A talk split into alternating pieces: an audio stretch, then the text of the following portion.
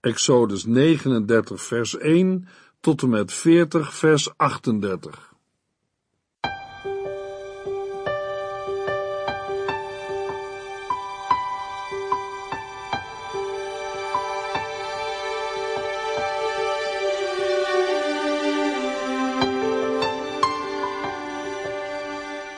Hartelijk welkom bij De Bijbel Door, een programma van Transworld Radio. De Bijbel Door is een radioserie die u in vijf jaar meeneemt door de hele Bijbel. Van Genesis 1 tot Openbaring 22.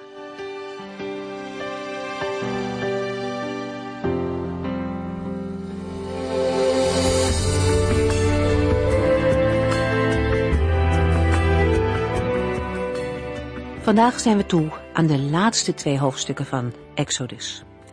In dit Bijbelboek hebben we gezien hoe God het volk Israël lief heeft. Hij heeft hen bevrijd uit de slavernij van Egypte.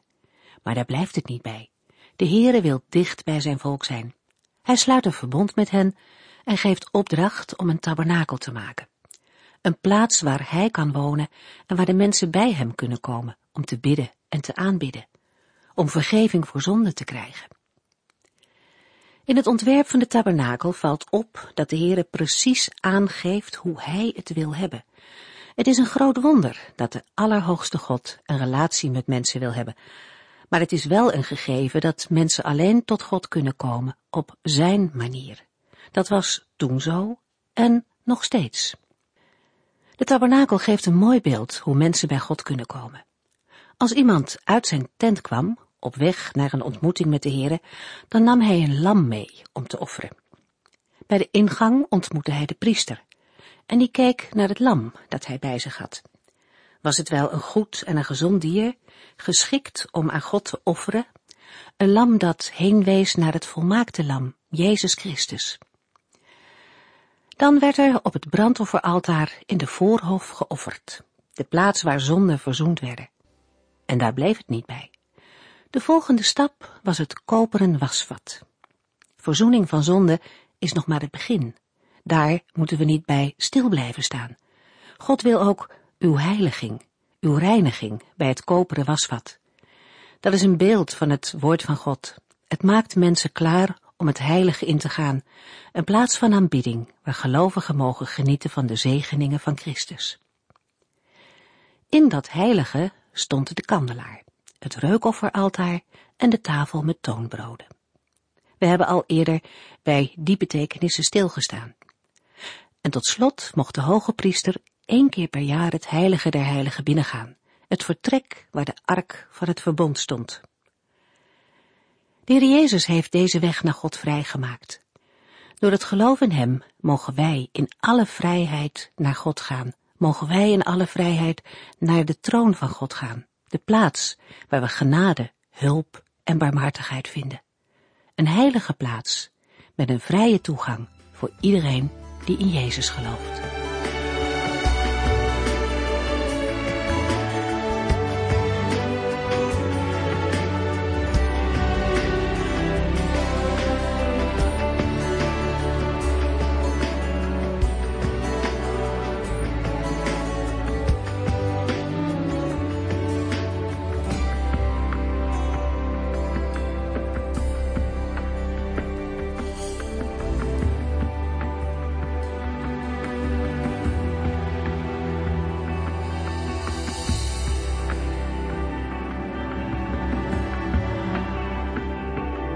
De priesterdienst in de tabernakel werd verricht door Aaron en zijn vier zonen. Hoewel de levieten mogelijk hielpen bij het klaarmaken van de offerdieren in de voorhof, werd de hele priesterdienst verricht door Aaron en zijn zonen. Aaron was de hoge priester en de kleding die hij droeg wijst in alles naar de persoon van Christus. De voorschriften en de beschrijving voor het maken van de ambtskleding is al gegeven in Exodus 28. De Heere had tot Mozes gezegd, geef opdracht aan vaklieden, mensen die hun vak verstaan, kleren te maken die hem, dat is Aaron, zullen onderscheiden van anderen, om hem te heiligen, zodat hij voor mij het priesterambt kan uitoefenen. Exodus 28 vers 3. In Exodus 28 vers 40 en 41 lazen we, Maak voor Aarons zonen mantels, riemen en hoofddoeken, die voor hen tot sieraad zijn. Kleed Aaron en zijn zonen in deze kleding. Wijd, salf en heilig hen daarna, zodat ze mijn priesters kunnen zijn. Nu gaan we in Exodus 39 lezen hoe de ambtskleding werd gemaakt. Exodus 39 vers 1 en 2 Van blauwpurper, roodpurper en scharlaken maakte het volk de ambtskleding voor de priesters, die zij droegen bij hun dienst in de tabernakel. Dezelfde stof werd gebruikt voor Aarons heilige kleren, zoals de Heere Mozes had opgedragen. Het priesterkleed werd gemaakt van dezelfde stof, geweven met getwijnd fijn linnen. De kleding die werd gemaakt, wordt heilig genoemd, omdat ze apart is gezet voor de dienst van de Heere God. Zeven keer komt in Exodus 39 de uitdrukking voor, zoals de Heere Mozes had opgedragen ook in vers 1. Daarmee komt een belangrijk en opmerkelijk punt naar voren. De tabernakel is, inclusief alles wat erbij hoort, tot de ambtskleding van de priesters toe, helemaal gemaakt overeenkomstig het voorschrift, zoals de Heere die aan Mozes had opgedragen. We zagen dat al in Exodus 28. Ook in Exodus 31 vers 10 heeft de Heere tot Mozes gezegd, de ambtskleding die Aaron en zijn zonen als priesters zullen dragen, de zalfolie en het aangename reukwerk voor het heiligdom. Alles wat ik heb gezegd, zullen zij maken. Exodus 39, vers 3 tot en met 5. Bezaleel bewerkte het goud tot dunne platen en sneed die daarna tot dunne draden die werden verwerkt tussen het blauwpurper, roodpurper, scharlaken en fijn linnen.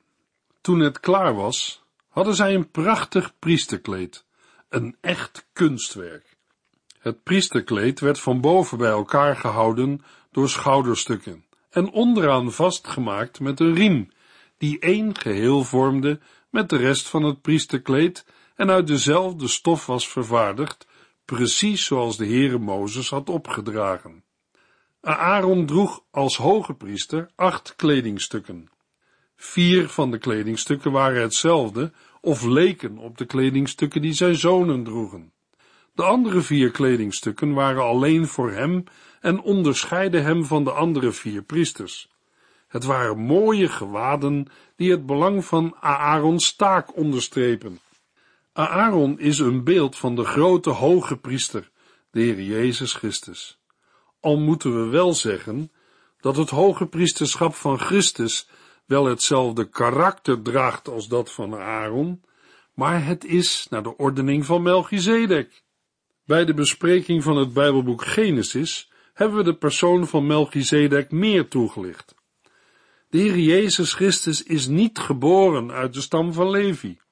In Hebreeën 5 tot en met 8 vindt u een nadere uitwerking van het hoge priesterschap van Christus naar de ordening van Melchizedek. Bij het lezen en bespreken van het Bijbelboek Hebreeën gaan we er verder op in. Aaron was de eerste hoge priester van het oude verbond. Over zijn ambtskleding gaat het in Exodus 39. Op de grote verzoendag, als Aaron in zijn functie van hoge priester het bloed in het heilige der heiligen binnenbracht, legde hij al zijn mooie kledingstukken af en droeg alleen de eenvoudig linnen priesterkleding dezelfde kleding die de andere priesters ook droegen. Het witte linnen dat de priesters droegen spreekt van gerechtigheid en heiligheid. Jesaja 52 vers 11 zegt, Ga uit, ga daar weg, raak het onreine niet aan. Laat Babel en alles wat het belichaamt ver achter u. Het is onrein voor u. U bent het heilige volk van de Heere. Reinig uzelf allen die vaten van de Heere naar zijn huis dragen. Ook wij moeten met de gerechtigheid van Christus worden bekleed en een leven leiden dat daarmee in overeenstemming is. Gelovigen behoren allen heilige priesters te zijn. 1 Petrus 2 vers 5. U moet zich door God laten gebruiken als levende stenen waarmee Hij zijn geestelijk huis bouwt. U bent ook de heilige priesters die door Jezus Christus geestelijke offers brengen die voor God aanvaardbaar zijn. Priesters die in staat zijn te aanbidden in Gods tegenwoordigheid, als koninklijke priesters, om Christus te dienen en overal te vertellen hoe goed en groot Hij is. Vroeger wisten wij niet hoe goed en vriendelijk de Heer is. Nu hebben wij Zijn goedheid zelf ervaren. Toen de Heer Jezus naar de aarde kwam, legde Hij Zijn hemelse heerlijkheid af. Het is te vergelijken met het afleggen van de ambtskleding van de hoge priester op grote verzoendag. Dan zag hij eruit als al de andere priesters. Hij droeg dan alleen het witte onderkleed, de linnen broek, een linnen gordel en een linnen tulband. Leviticus 16. De kleding van Aaron, de hoge priester, was kunstig en mooi. Hij was prachtig en kleurrijk gekleed. Het priesterkleed of de efot onderscheidde Aaron als hoge priester. Het Hebreeuwse woord efot betekent aantrekken. De gouden kleur, er was echt gouddraad in verwerkt, stak af tegen de andere kleuren, blauw, purper en scharlaken. Exodus 39, vers 6 en 7. De onyxstenen die op de schouderstukken moesten komen, werden in goud gezet en op de stenen werden de namen van de twaalf stammen van Israël gegraveerd, op dezelfde manier als initialen op een zegelring worden aangebracht. Deze stenen moesten de Heere voortdurend herinneren aan het volk Israël. De namen op de schouderstukken herinneren aan de goede herder, die zijn schapen allen bij name kent. Als er één schaap zoek raakt, gaat de goede herder het zoeken. Hij zal het schaap zeker vinden. Als hij het heeft gevonden, legt hij het op zijn schouders en brengt het veilig terug naar de schaapskooi. Laten we de Heere danken voor het feit dat Hij ook voor ons een goede herder heeft gegeven. Hij is in staat allen die door Hem tot God komen volkomen te redden. Het priesterkleed werd Aaron aangebonden met een riem of gordel. De riem was van dezelfde materialen als het priesterkleed gemaakt. In de twee onyxstenen werden de namen van de twaalf zonen van Israël gegraveerd. Zes namen op de ene steen en zes op de andere, naar de volgorde van hun geboorte. De stenen werden ingelegd in een gouden gesp. De gouden gesp werd gebruikt om op de schouders de voor- en achterkant van het priesterkleed aan elkaar te verbinden. Deze stenen moesten de Heere voortdurend herinneren aan het volk Israël. De hoge priester droeg ook een borsttas. Er zaten twaalf stenen op en het was een prachtig kunstwerk. Op de voorkant waren, in goud gezet, vier rijen edelstenen bevestigd met op iedere steen de naam van een van de stammen van Israël. De hoge priester droeg de borsttas als het ware op zijn hart. De borsttas draagt de naam tas, omdat het een soort tas was, waarin binnenin de Urim en de Tumim waren verborgen. We weten weinig over de Urim en de Tumim, behalve dat Urim lichten betekent en Tumim volmaaktheden. Door deze voorwerpen kon de Heere zijn wil meedelen aan de hoge priester. De prachtige stenen op de borsttas wijzen naar het feit dat Christus zijn volgelingen op zijn hart draagt. Want God heeft zoveel liefde voor de wereld, dat hij zijn enige zoon heeft gegeven, zodat ieder die in hem gelooft niet verloren gaat, maar eeuwig leven heeft. Johannes 3 vers 16. De stenen op de borsttas beelden de grote liefde van de Heere voor zijn volk af. Het priesterkleed was aan de onderkant, bij de zomen, versierd met gouden belletjes en granaatappels. Als de hoge priester dienst had, konden de Israëlieten de belletjes horen rinkelen als hij het heilige binnenging. De granaatappels spraken van het vruchtbare leven van de gelovigen, de belletjes van een getuigend leven. De Israëlieten mochten weten dat als de hoge priester in het heilige was, hij ook voor hen bad. Uit Johannes 17 mag een mens vandaag weten dat er in het heiligdom een grote hoge priester is, Jezus Christus, die voor hem of haar bidt. In Johannes 17 bidt de Jezus voor zijn discipelen, maar ook, wat ik u vraag, is niet alleen voor hen, het is ook voor de mensen die door hen in mij zullen gaan geloven. Johannes 17 vers 20. Wat een beeld geven de kledingstukken van de priester.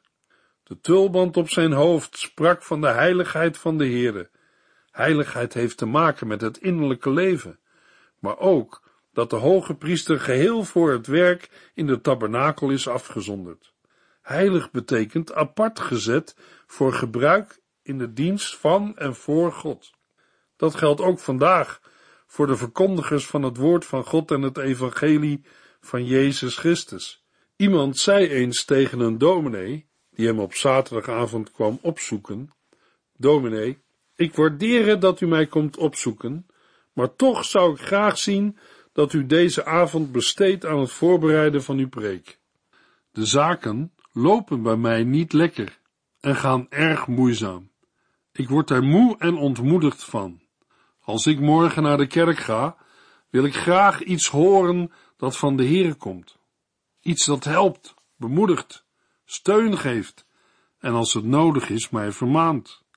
Daarom vraag ik u of u deze avond wilt gebruiken om u extra voor te bereiden, zodat ik en anderen in staat zullen zijn om morgen iets uit de hemel te horen en te ontvangen.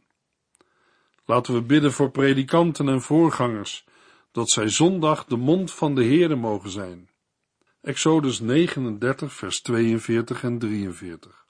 Zo voerde het volk Israël alle opdrachten uit die de Heere Mozes had gegeven. Mozes inspecteerde hun werk en zegende hen, omdat alles precies volgens de opdrachten van de Heere was uitgevoerd. Het eind van Exodus 39 vermeldt dat alles naar het voorschrift van de Heer is gemaakt. In Exodus 35 werden de algemene aanwijzingen gegeven. Hier, in Exodus 39, zijn ze stipt uitgevoerd. In vers 32 wordt de tabernakel de tent van ontmoeting genoemd. De Heere wil zijn volk ontmoeten en geen God op afstand zijn. Al het werk wordt aan Mozes getoond en kan de inspectie doorstaan. Vervolgens zegent Mozes de mensen die het gemaakt hebben. Daarin uit hij zijn dankbaarheid en beloont hij hen. Nu alles zover gekomen is, is het woord weer aan de Heere. Hij laat zijn aanwezigheid blijken. Dat zien we in het laatste hoofdstuk van het Bijbelboek Exodus. In het Nieuwe Testament is sprake van een grotere en meer volmaakte tabernakel, die niet met handen is gemaakt. Hebreeën 9. Die tabernakel staat in de hemel en, ja, daar is ook een hoge priester. Christus is het heiligdom binnengegaan om in onze plaats voor God te verschijnen. Hebreeën 9, vers 24. Exodus 40, vers 1 en 2. Daarna zei de Heere tegen Mozes, op de eerste dag van de eerste maand moet u de tabernakel opzetten. Zowel uit vers 2 als uit vers 17 krijgen we de indruk dat de tabernakel in één dag moet worden opgezet en dat dit ook gebeurd is. Uit vers 17 blijkt ook hoe de tijdsbepaling in vers 2 moet worden opgevat. De eerste maand is de eerste maand van het tweede jaar na de uittocht. Van deze maand wordt de eerste dag gekozen en dat is nieuwjaarsdag. Volgens Exodus 19 vers 1 zijn de Israëlieten in de derde maand in de woestijn Sinai gekomen. Daarmee komen we op een periode van ongeveer negen maanden. Wanneer hier tweemaal veertig dagen van het verblijf van Mozes op de Sinaï van af wordt getrokken, en ook de periode uit Exodus 19 tot en met 24 en Exodus 32 en 33, dan is het aannemelijk dat de bouw van de tabernakel minder dan een half jaar heeft geduurd. In Exodus 12 is de maand van het Pascha aangewezen als zijnde de eerste maand. In deze voorjaarsmaand wordt de tabernakel opgezet. De inhoud van Exodus 40 vers 1 tot en met 15 grijpt dan ook terug op Exodus 25 tot en met 31 en niet op Exodus 35 tot en met 39. In Exodus 35 tot en met 39 wordt alleen de vervaardiging van de tabernakel beschreven. De zalving van de heilige voorwerpen, in vers 9 tot en met 11, komt daarin niet terug, maar staat beschreven in nummer 7. Dat geldt ook voor de installatie of inwijding van de priesters, in vers 12 tot en met 15. De inwijding staat vermeld in Leviticus 8 en 9. Exodus 40, vers 16 en 17. Mozes voerde al deze opdrachten van de Heere precies uit zoals de Heere hem had opgedragen. Op de eerste dag van de eerste maand, in het tweede jaar na de bevrijding uit Egypte, zette Mozes de tabernakel op. De uitdrukking zoals de Heere hem, Mozes, had opgedragen, komt in Exodus 40 zeven keer voor, net als in Exodus 39. Deze steeds terugkerende uitdrukking spreekt van de grote nauwgezetheid waarmee het werk wordt uitgevoerd. De installatie van de priesters wordt hier niet vermeld. Exodus 40, vers 28 en 29. Hij hing het gordijn voor de ingang van de tabernakel op, zette het brandofferaltaar dicht bij de ingang en verbrandde er een brandoffer en spijsoffer op, precies zoals de Heer had bevolen. In Exodus 33 wordt het probleem genoemd dat de Heere al dan niet met zijn volk mee zou trekken. Als de Heere niet meegaat, dan is de tabernakel met alle voorwerpen zinloos. Maar de Heere belooft in Exodus 34 op grond van het vernielde verbond wel mee te gaan. Op die basis konden alle voorwerpen worden gemaakt. De tabernakel is nu klaar. Maar het is nog niet zichtbaar dat de Heere er woning in heeft gemaakt. Exodus 40, vers 34 en 35. Toen bedekte de wolk de tent van de ontmoeting en de heerlijkheid van de Heere vulde de tabernakel.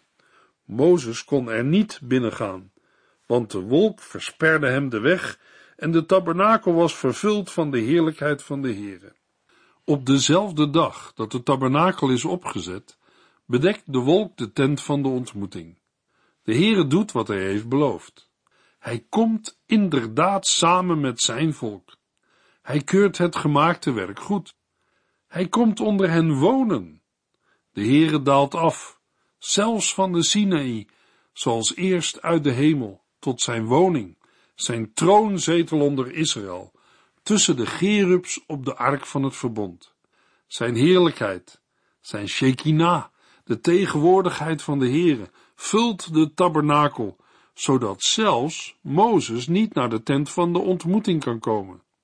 Na Exodus 40, vers 35 lezen we niet hoe het na dit moment verder is gegaan. Daarvoor moeten we het Bijbelboek dat op Exodus volgt, Leviticus lezen. In Leviticus 1 vers 1 en 9 vers 23 lezen we het vervolg. De Heere riep Mozes en sprak tot hem vanuit de tabernakel. In Leviticus 9 vers 22 en 23 lezen we, Toen zegende Aaron het volk met wijd gespreide handen en kwam van het altaar naar beneden. Mozes ging met hem de tabernakel binnen en toen ze weer naar buiten kwamen, zegende zij het volk en de heerlijkheid van de Heere verscheen aan alle aanwezigen. De slotversen van Exodus 40 laten zien hoe de Heere door middel van de wolk aanwijzingen geeft voor de reis van de Israëlieten. De Heere woont als koning in het midden van het volk Israël. Hij bepaalt hun reis naar Canaan, het beloofde land. Op meerdere plaatsen in de Bijbel wordt hiernaar verwezen. In de psalmen wordt dit feit bezongen, in Psalm 78 en 105. Paulus verwijst ernaar in 1 Corinthians 10. Ze werden allemaal door de wolk van God geleid. Het hele volk Israël kon de wolk zien. Gods aanwezigheid en leiding vormen de garantie dat zijn beloften aan de aardvaders ook vervuld zullen worden. Diezelfde zekerheid vinden we in het getuigenis van de apostel Paulus in Filippenzen 1 vers 6. Ik ben er zeker van dat God op de grote dag van Christus Jezus het goede werk dat hij onder u begonnen is, zal voltooien. Het is duidelijk dat het Bijbelboek Exodus een vervolg veronderstelt. Wij gaan het vervolg lezen bij de bespreking van het Bijbelboek Leviticus. Het slot van Exodus is hiermee ook een nieuw begin, op de nieuwjaarsdag. Het volk Israël gaat op weg naar Canaan. Christenen mogen weten op weg te zijn naar het land van zijn rust. Hoewel Gods belofte nog altijd geldt, de belofte dat God ons allen in zijn rust op zal nemen, moeten wij ervoor zorgen dat niet sommigen de indruk zouden wekken er geen deel aan te hebben. Want dit goede nieuws heeft ons net zo bereikt als de mensen in de tijd van Mozes. Maar zij hebben er niets aan gehad, omdat zij het niet geloofden. Want alleen als wij God geloven, kunnen wij deel krijgen aan zijn rust. Hebreeën 4 vers 1 tot en met 3. Christenen mogen weten van een beter, een hemels vaderland. Hebreeën 11. Ze hebben Christus als middelaar die, in tegenstelling tot Mozes, de heerlijkheid van God kan verdragen en erin deelt. Terwijl in het Oude Testament de nadruk ligt op de tabernakel en de tempel in zichtbare vorm, wijst het Nieuwe Testament ons op de gemeente als een geestelijk huis en de gelovigen als een heilig priesterschap. In Openbaring 21 is sprake van Gods woonplaats is nu bij de mensen. Hij zal bij hen wonen. Zij zullen zijn volk zijn en hij zal zelf bij hen zijn. Hij zal alle tranen van hun ogen afwissen. Er zal geen dood meer zijn, geen verdriet, geen rouw of pijn, want die dingen horen bij de oude wereld die voorbij is. Hij, die op de troon zat, zei, ik maak alles nieuw. Luisteraar, is dit perspectief ook uw toekomst? Exodus 40, vers 36 tot en met 38. Wanneer de wolk opsteeg van de tabernakel, braken de Israëlieten op en trokken verder achter de wolk aan. Maar als de wolk op de tabernakel bleef, bleven ook de Israëlieten waar ze waren. Overdag rustte de wolk op de tabernakel en s'nachts brandde er vuur in de wolk, zodat alle Israëlieten het konden zien. Dit ging zo door al de tijd dat ze onderweg waren. Ik kan mij voorstellen dat iemand denkt, was die wolk er vandaag ook maar. Ik kan getuigen dat die wolk er vandaag ook is, ook al kun je hem niet zomaar zien. Het is de Heilige Geest van God. Hij leidt en wijst de weg die de Heere wil dat wij gaan. Is dat makkelijk? En gaat dat zomaar? Nee, dat gaat niet zomaar. Maar de Heere wil de weg wijzen en zal zijn kinderen brengen waar hij ze hebben wil. Hiermee besluiten we de bespreking van Exodus. In de volgende uitzending maken we een begin met het Marcus-evangelie.